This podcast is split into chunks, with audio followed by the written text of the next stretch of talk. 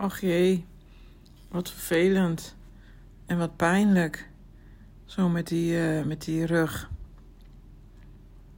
Ja, nou, ik zou me voor kunnen stellen dat ik wel eens een keer hetzelfde heb gehad. Maar ja, iedereen voelt het natuurlijk op zijn manier. Maar ja, ik heb wel spit gehad. Zou dat hetzelfde zijn, dan schiet het er ook in.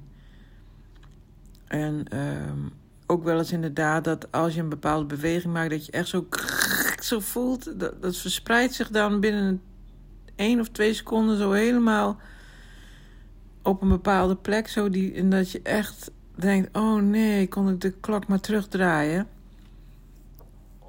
En uh, dat alles dan eerst. Ja, het moeilijk is dat je dan ook nog weer hier aan gaat spannen. Hè? En dan. Uh, ja, dan is het nog moeilijker om bewegingen te maken die geen pijn doen, zeg maar. Ik denk dat een kruik ook wel helpt, maar um, wat volgens mij ook kan helpen is um, dat je met je aandacht bewust uh, daar naartoe ademt. Dat heb ik wel uh, geleerd in hap haptonomie, heette dat geloof haptonomie. Dan alsof je je adem naar die plek stuurt, dus in en uit.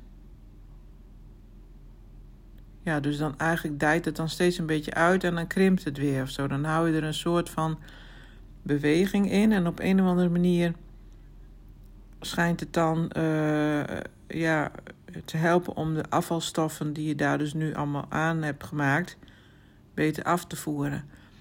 Oh, en uh, wat ook kan helpen is dus ook weer even terugkomend op die kristallen gewoon een bergkristal erop uh, plakken met uh, van dat leukoplast of hoe heet dat? Ja. Nou ja, probeer maar eens uit. En inderdaad, wat bewegen wat je al doet, dat is, dat is altijd goed.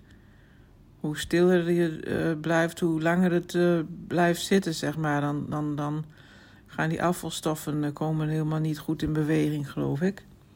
Maar ja, goed, wat heb ik er nou voor verstand van? Maar uh, ik praat maar een beetje vanuit wat ik uh, denk te weten. maar uh, nou ja, ik hoop dat, dat het snel weer opknapt. Sterkte ermee.